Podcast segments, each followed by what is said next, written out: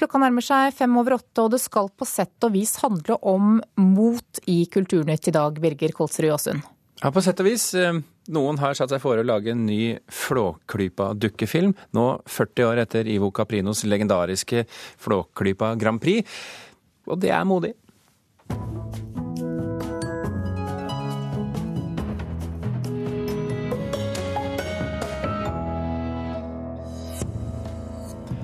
For første gang vant en internettserie en av de gjeveste prisene under en Emmy-utdeling. I 35 år har Se og Hør vært Medie-Norges urokråke. Nå feirer Kjendisbladet seg selv med stor fotoutstilling. Og 125 år etter at de siste skiløperne passerte streken, kommer også boka om femmila i mål. Du hører på Kulturnytt med Birger Kolsrud Jåsund i studio. TV-serien Breaking Bad fikk den gjeveste prisen under årets Emmy-utdeling i Hollywood nå i morgentimene, nemlig prisen for beste dramaserie. Samtidig skrev House of Cards historie med å bli den første serien laget kun for internett, som fikk en av de store prisene da amerikansk TV-bransje feiret seg selv. Centuries from now, when people watch this footage, who will they see smiling just at the edge of the frame? Kevin Spacey spiller hovedrollen i House of Cards om det politiske spillet i Washington. Serien er laget for nett-TV-tjenesten Netflix. Det er ti år siden Emmy åpnet for å gi priser til nett-TV-serier, men det er først i år, med beste regi til House of Cards, at en av de store prisene går til en serie som ikke er vist på TV. Men Spacey og co. greide ikke å ta den høyest hengende prisen. Beste dramaserie gikk til Breaking Bad, en mørk serie om en kjemilærer og hans metamfetamingeskjeft i New Mexico. Claire Danes, Homeland. Wow, thank you, thank you. Um, I think all actors uh, know how indebted we are to our writers, especially in television. Claire Danes i Homeland fikk prisen for beste kvinnelige skuespiller i en dramaserie. Beste mannlige skuespiller i en dramaserie ble Jeff Daniels i The Newsroom. Game of Thrones, som på forhånd hadde 16 nominasjoner, fikk ingen av de store prisene. Heller ikke American Horror History, som hadde flest nominasjoner med sine 17, gjorde det så bra som enkelte hadde spådd på forhånd. For beste birolle for en miniserie ble den høyeste utnevnelsen under nattens utdeling i Hollywood. Bernie and I have written a new song called Home Again that reminds me of him because Lee, as he was like to be called, uh, when I met him, he always talked about how much he loved going home to his house. So it's a feeling of being at peace and being yourself. Elton John fremførte en hyllest til den legendariske entertaineren Valentino Liberace under TV-showet i natt.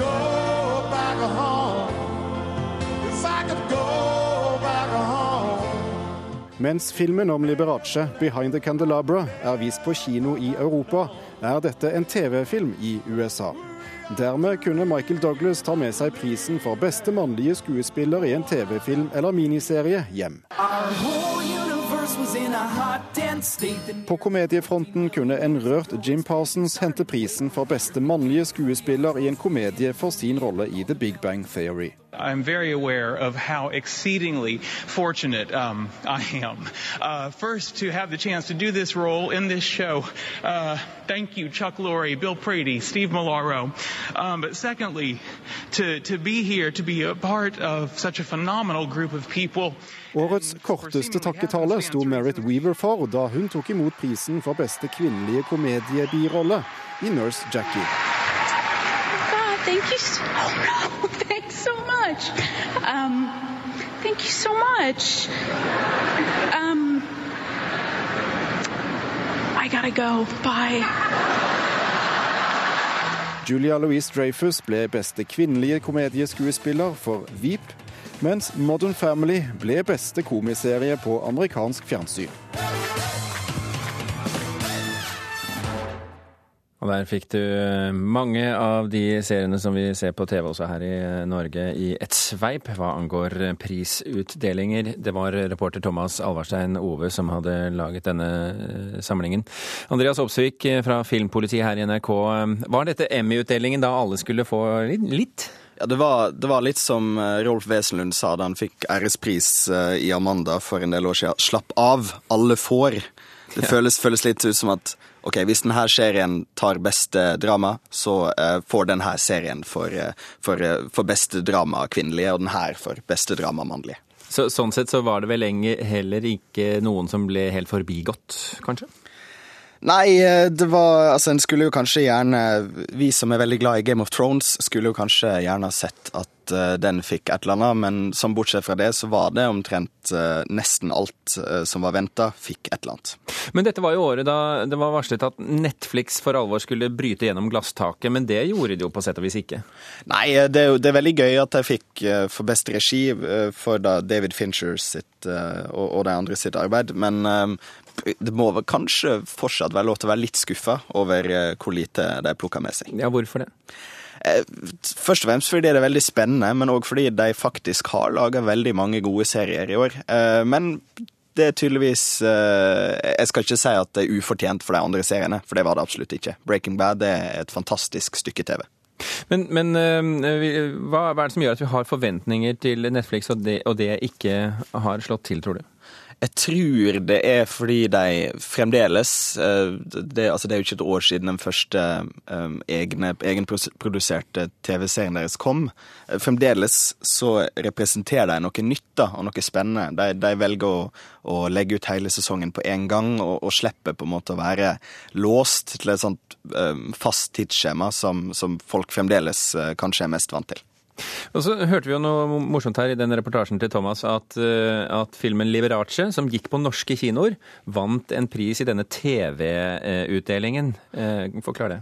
Ja, de, har jo i USA eh, i større grad enn en i, i, Europa. Norge så har de da TV-filmen. For så vidt i Frankrike òg en, en, en, ganske vanlig ting. Der filmer blir produsert for å bli sendt på TV, men ikke som en TV-serie. Men det, det, det er jo mange filmer som seinere kommer på TV her i Norge.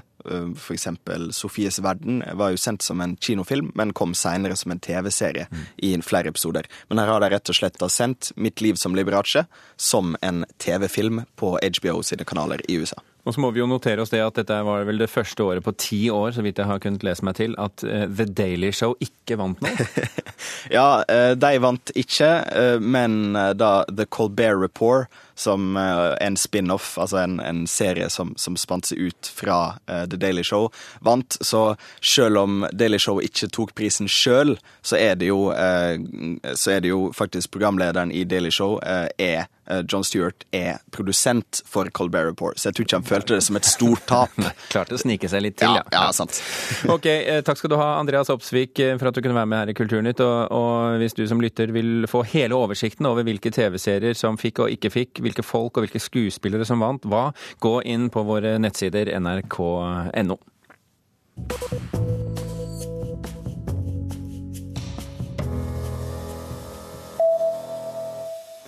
En ny bok om Ikea-gründeren Ingvar Kamprad skaper oppmerksomhet i Sverige nå en uke før den kommer ut. Boken omtaler bl.a. en omstridt pengekrangel mellom Kamprad og hans tre sønner, hvor sønnene skal ha blitt nektet milliardutbetalinger.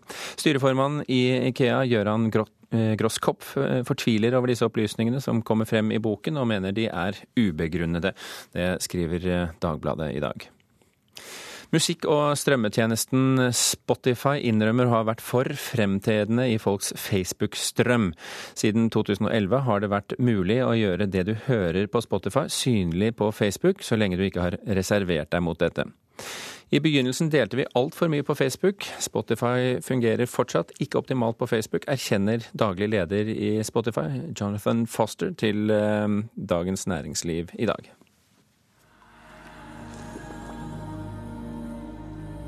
Det dere må forstå, er at Oseberggraven er helt annerledes enn alt annet som er funnet.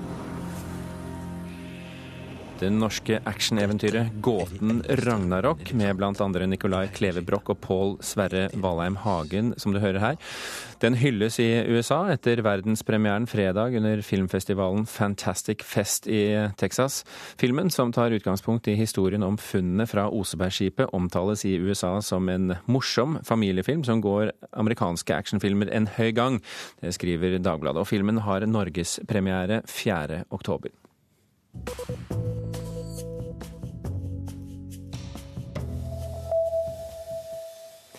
Tidenes dyreste norske dukkefilm har derimot premiere den 8. november. Solan og Ludvig, 'Jul i Flåklypa', er oppfølgeren til den største norske filmsuksessen gjennom tidene, Flåklypa Grand Prix. Men teamet bak filmen har lagt vekt på at den ikke skal ligne for mye på forgjengerne. Dere får trå til litt sjøl. Lista henger på kjøkkenet. Regissør Rasmus Sivertsen, en tekniker og meg sjøl sitter i et mørkt klipperom i Oslo. Nå er vi i gang med sluttmiksen på filmen. Eh, og det vil si at vi legger eh, sammen lyd og musikk og stemmer og avstemmer imot hverandre. Eh, det er en julehistorie. Det er, det er førjulstid i, i Flåklypa. Det mangler snø. Eh, og Ludvig lurer på om Reodor kan hjelpe til å, lage snø. Han er oppfinner. Eh, og Reodor lager en ganske spesiell snømaskin, men den, blir, eh, den kommer i, i, noen andre sine hender og kommer da ut av kontroll. De folkekjære karakterene Solan Ludvig og Reodor Felgen er i år tilbake i en helaftens animasjonsfilm. Og i registolen sitter Rasmus Sivertsen. Både jeg og teamet vi har holdt oss unna de gamle filmene. Vi har ikke sett på de. Vi har gått tilbake til bøkene til Kjell Aukrust og sett på hvordan han tegna karakterene. Eh, så, så, dette er på en måte et nytt uttrykk eh, for eh, publikum i forhold til hvordan de har sett ut før sola. Men er det den dokka som er med i filmen? Ja, dette er en av de. Vi har um, fire Solan-dokker og fire Ludvig-dokker som er med i filmen. Og det er fordi at de, uh, vi skyter på flere sett samtidig. Filmen er laget på samme måte som Flåklypa Grand Prix, der man tar bilde, beveger dukken, tar et nytt bilde, helt til filmen er ferdig én animatør bruker en dag på å lage fire sekunder film. Sånn at vi har jo eh, da hatt fem animatører som har jobba eh, parallelt, og da lager jo de eh, 20 sekunder film om dagen. På en uke så produserer vi ca. 1 12 minutt film pluss minus, da, avhengig av hvor avanserte scener er. Filmen har et budsjett på 25 millioner kroner, og har fått 12,3 millioner i støtte fra Norsk Filminstitutt. Altså, I dag er norsk animasjon blitt eh, noe som blir regna med ute i verden. Det sier Gunnar Strøm, som er førsteamanuensis i film og fjernsyn ved Høgskolen i Volda. Han mener vi bør satse enda mer på norsk animasjonsfilm fremover.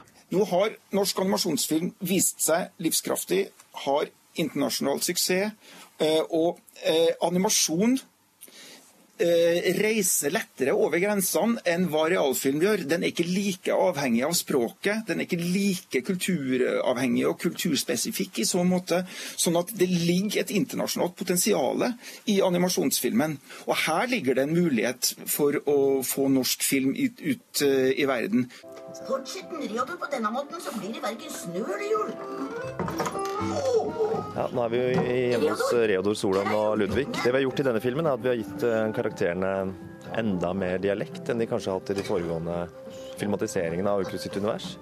Eh, vi har gått tilbake til bøkene til Kjell eh, Aukrust og sett hvordan han skrev dialogen. Der er det mye dialekt. Så, så alle har fått et, et dialektsnev alle karakterene. Nei, men hva skulle du i høyden da, Ludvig? Du som blir svimmel av å ha på deg tjukke sokker.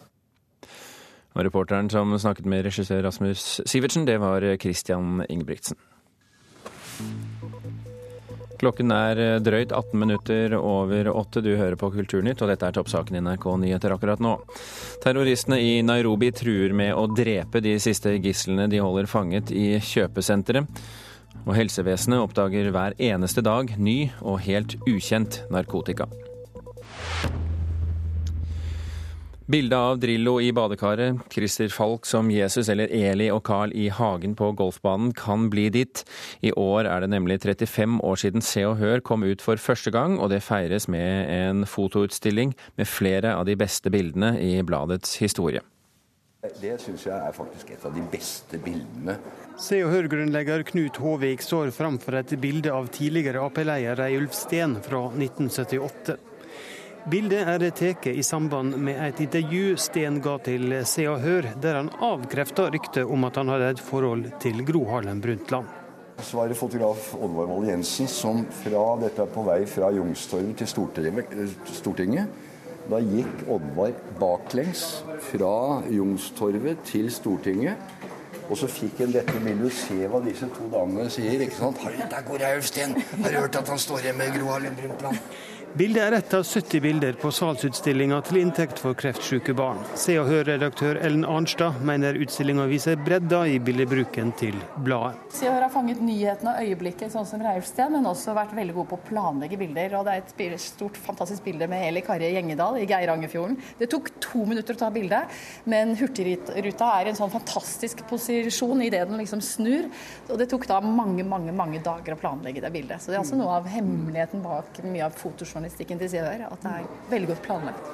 I løpet av 35 år har journalistikken endra seg, men det har kjendisene også. Arnstad tror det er vanskeligere å bli folkekjær kjendis i dag. Det klart Det å bli en sånn folkekjær kjendis som eh, alle har en sånn nært forhold til og, og, og, positivt bilde av, er jo mye mer vanskelig. Det er mye vanskeligere å bygge seg selv og bygge et brand, eh, som noen av disse store her selvsagt har. På åpningsfesten i går kveld var det mange som hadde levd med bladet i mange år. Forholdet mitt til Se og Hør det kan være litt variert, men det er aldri gratis. Aldri. Finn sjøl vedgår at han både har brukt og blitt brukt av Se og Hør, men synes kanskje ting var litt bedre før. Ja, altså jeg må si at jeg, Se og Hør eh, var på en måte viktigere for meg før. Men eh, nå vet jeg jo nesten ikke hvem, hvem er hvem lenger, så nå er det jo er det, altså det er slutt på at det var liksom Vennenytt. Det var jo en stund hvor dette bladet fungerte som oppdatering. Det var, det var, det var en foreløper til Facebook for meg. Wenche Myhr er en av kjendisene som har vært med siden starten. Hun vedgår at det har vært tøffe episoder, men alt i alt har hun et godt forhold til bladet. Vi lever jo også litt med, med pressen når vi har noe på hjertet som vi vil formidle. Når vi skal ut med nye konserter eller plater. Eller, så det er jo et viktig medium for, for oss også. Utstillinga ble åpna av Oslo-ordfører Fabian Stang. Sjøl ville han ikke åpne dørene for Se og Hør, men mora, Wenche Foss, hadde et godt forhold til bladet. På utstillinga henger det bl.a. et bilde av henne som aldri har vært vist før. Stang håper for all del at noen kjøper bildet. Nei, det, det, jeg synes det er et veldig hyggelig bilde, men dette er jo en, en salgsutstilling hvor bildene skal selges og, eh, til inntekt for kreftsyke barn. Så jeg håper inderlig at det bildet blir solgt, ellers tror jeg hun ser ned på oss og ikke er særlig fornøyd. Hun likte ikke å være usolgt. Ja, sa altså Fabian Stang til eh, reporter Espen Alnes.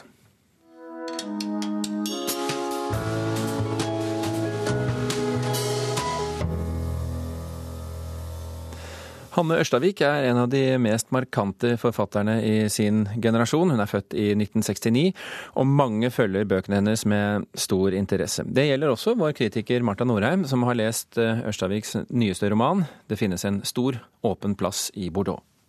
Dette er en modig roman på minst to måter, og begge har med seksualitet og drifter å gjøre. Men la meg starte i en annen ende. Hanne Ørstavik er en av de forfatterne som virkelig utforsker livet og eksistensen gjennom romanene sine. Og denne, skal vi kalle det, metoden har mye bra ved seg. Leseren opplever at dette er alvor, forfatterskapen står fram som nødvendig, og dette slår gjennom også i de svakeste bøkene.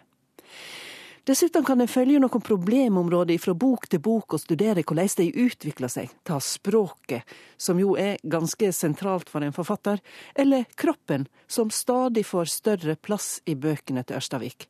På svært nærsøkende vis prøver forfatteren å utforske og overskride de grensene språket og kroppen har. Og ja, nå kommer jeg snart til det seksuelle i den nyeste romanen. Jeg skal bare ta med at dette begjæret etter grenseoverskriding, der språket skal bli ett med objektet det skildrer, og kroppen skal bli ett med en annen kropp, denne dragninga mot total sammensmelting får et drag av mystikk ved seg, som gjør bøkene en særegen bunn. Her skjer noe som minner meg om Jon Fosse. I, eh, det finnes en stor åpen plass i Bordeaux, har en kvinnelig bildekunstner oppsøkt kunsthistorikeren Johannes. Johannes vil ha henne, men ikke bare henne, og ikke hele tida. Som evig singel har han dyrka seksualiteten gjennom strippeklubber og swingersprosjekt og ei nennsom høyrehånd. Til forskjell fra Rudolf, mannen i romanen 'Hyene fra i forfjor'. Rudolf ville alltid akkurat det hovedpersonen Siv ville, og han hadde som prosjekt å gjøre henne lykkelig. Mens Johannes på si side, han har sitt eget liv som han forsvinner inn i, eller ut i. Og kvinna i årets roman, som ifølge baksideteksten heter Ruth, har tre valg. Hun kan enten bli ei klengete sutrekjerring som nekter Johannes å gjøre det han har lyst til, hun kan gjøre det slutt og gå sin vei, eller hun kan utforske de mørke sidene ved driftslivet for bedre å forstå både Johannes og sin egen seksualitet. Ruth velger det siste. Og dermed dukker det opp flere gode spørsmål, som hva er det inni Ruth som gjør dette valget, og hva vil dette gjøre med henne? Forfatteren er ikke den første som spør om det går an å være ett med et annet menneske i hug og hold, i kropp og sjel, og på samme tid dyrke de mørke og promiskuøse driftene. Men eh, med ørstaviksk alvor let hun Ruth utforske nattsidene i byen og i sjela. Det er modig, og trass i den slappe tittelen er dette den mest intense og utfordrende romanen fra Ørstavik på mange år. Og den slappe tittelen er altså 'Det finnes en stor åpen plass i Bordeaux'. Forfatteren er Hanne Ørstavik, og du hørte Marta Norheim. I år er det 125 år siden den første femmila på ski ble arrangert. I november så kommer skihistoriker Tor Godtås med boka 'Femmilas, ski, femmilas skisportens manndomsprøve'. Fra den gangen løperne gikk med en sild på innerlomma, klar til å smøres utover skiene om det skulle glippe, til dagens heseblesende fellesstarter.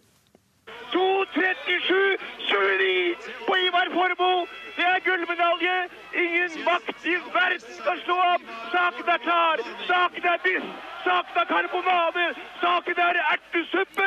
NRKs Bjørge Lillelien da Ivar Formoe vant femmila i OL i Innsbruck i 1976. Nå kommer skihistoriker Tor Gottaas fra Brumunddal med boka om femmilas historie. Det handler om femmila på ski og typene som har gått femmila. Hvorfor har folk gått femmila? Hvem er det som har blitt best? Og hva er det som har gjort at ulike typer har vært best på femmila fra 1888 fram til i dag. Det er i år 125 år siden historiens første femmil ble arrangert i Holmenkollen i 1888. På startstreken da sto flere løpere som hadde røkt pipe for å utvide lungene. Vinneren, Torjus Hemmestveit, innkasserte gull til en verdi av 400 kroner. Mens noen av de første femmilsutøverne putta sild på innerlomma, klar til å smøre utover om skiene skulle begynne å glippe, valgte andre revefett, fløte eller honning, skriver Gotaas i boka. Før så gikk det jo én runde eller to runder ut i skogen og var borte i tre-fire timer og kom tilbake med, med rim i skjegget og, og svette på ryggen. så det er for å vise, at, uh, vise historien altså, om femmila. Strålende Gjermund! Her kommer han, og publikum kaster luene sine inn i løypa til ham. Han er ferdig med sitt løp og er verdensmester nå! På tre timer, tre minutter og seks sekunder. Den 500 sider tjukke boka om femmila som kommer på Gyldendal i november, handler ikke bare om storheter som Gjermund Eggen, Torleif Haug, Thomas Vassberg og Peter Northug, men vel så mye om sliterne fra landsbygda, sier Tor Gottaas. Jeg, jo, jeg har jo sansen for de tryslinga som gikk på ski fra Trysil om natta til Elverum. Sov da hos en baker i Elverum og tok toget videre til Oslo, eller Kristiania som het da, vant femmila. Sånne typer har jeg sansen for. Det var på begynnelsen av 1900-tallet, for 100 år siden. Hva skjedde når du tok, når du tok inn eh, ved den linjen? Så hadde du tid til å se på ham da? Nei, men hører du dem ofte at den var, eh, at den var helt ferdig. Ja. Og det fikk du kanskje nye krefter av? Ja, det inspirerte meg litt, ja. ja. Femmila har endra seg mye fra den første i Holmenkollen 7.2.1888 til dagens heseblesende fellesstarter i små runder. Og ikke alle endringene har vært til det beste, mener forfatteren. I Holmenkollen burde det vært lange runder, syns jeg. For du vet, når du snur femmila i Holmenkollen på Frognerseteren, det er å håne Nordmarka. Du, du snur jo ikke femmilappa der, du må gå inn i skogen. altså Det, er, det er langrenn, det heter jo langrenn. Cross country på engelsk. Du skal komme inn i skogen, altså. Det er en skogsidrett. Hva håper du folk skal sitte igjen med etter å ha lest denne boka? her? Eh, kanskje humre litt, kanskje lære litt av at Var det sånn det var, ja? At det er en historisk oversikt over noe som er genuint norsk. For vi har jo det eneste omtrent Norge har produsert, det er jo femmila og ostehøvelen. Det ble gullmedalje! Det ble gull! Gratulerer med dagen! Himmel og hav! Reporter her, det var Stein S. Eide. Kulturnytt er slutt. I dag har vi fortalt at en internettserie for første gang vant en Emmy-pris, men at det store gjennombruddet for en internettserie ikke kom. Se mer på nrk.no om Emmy. Kulturnytt fikk du av Per Ivar Nordahl, Vidar Sem og Birger Kålsrud Aasund.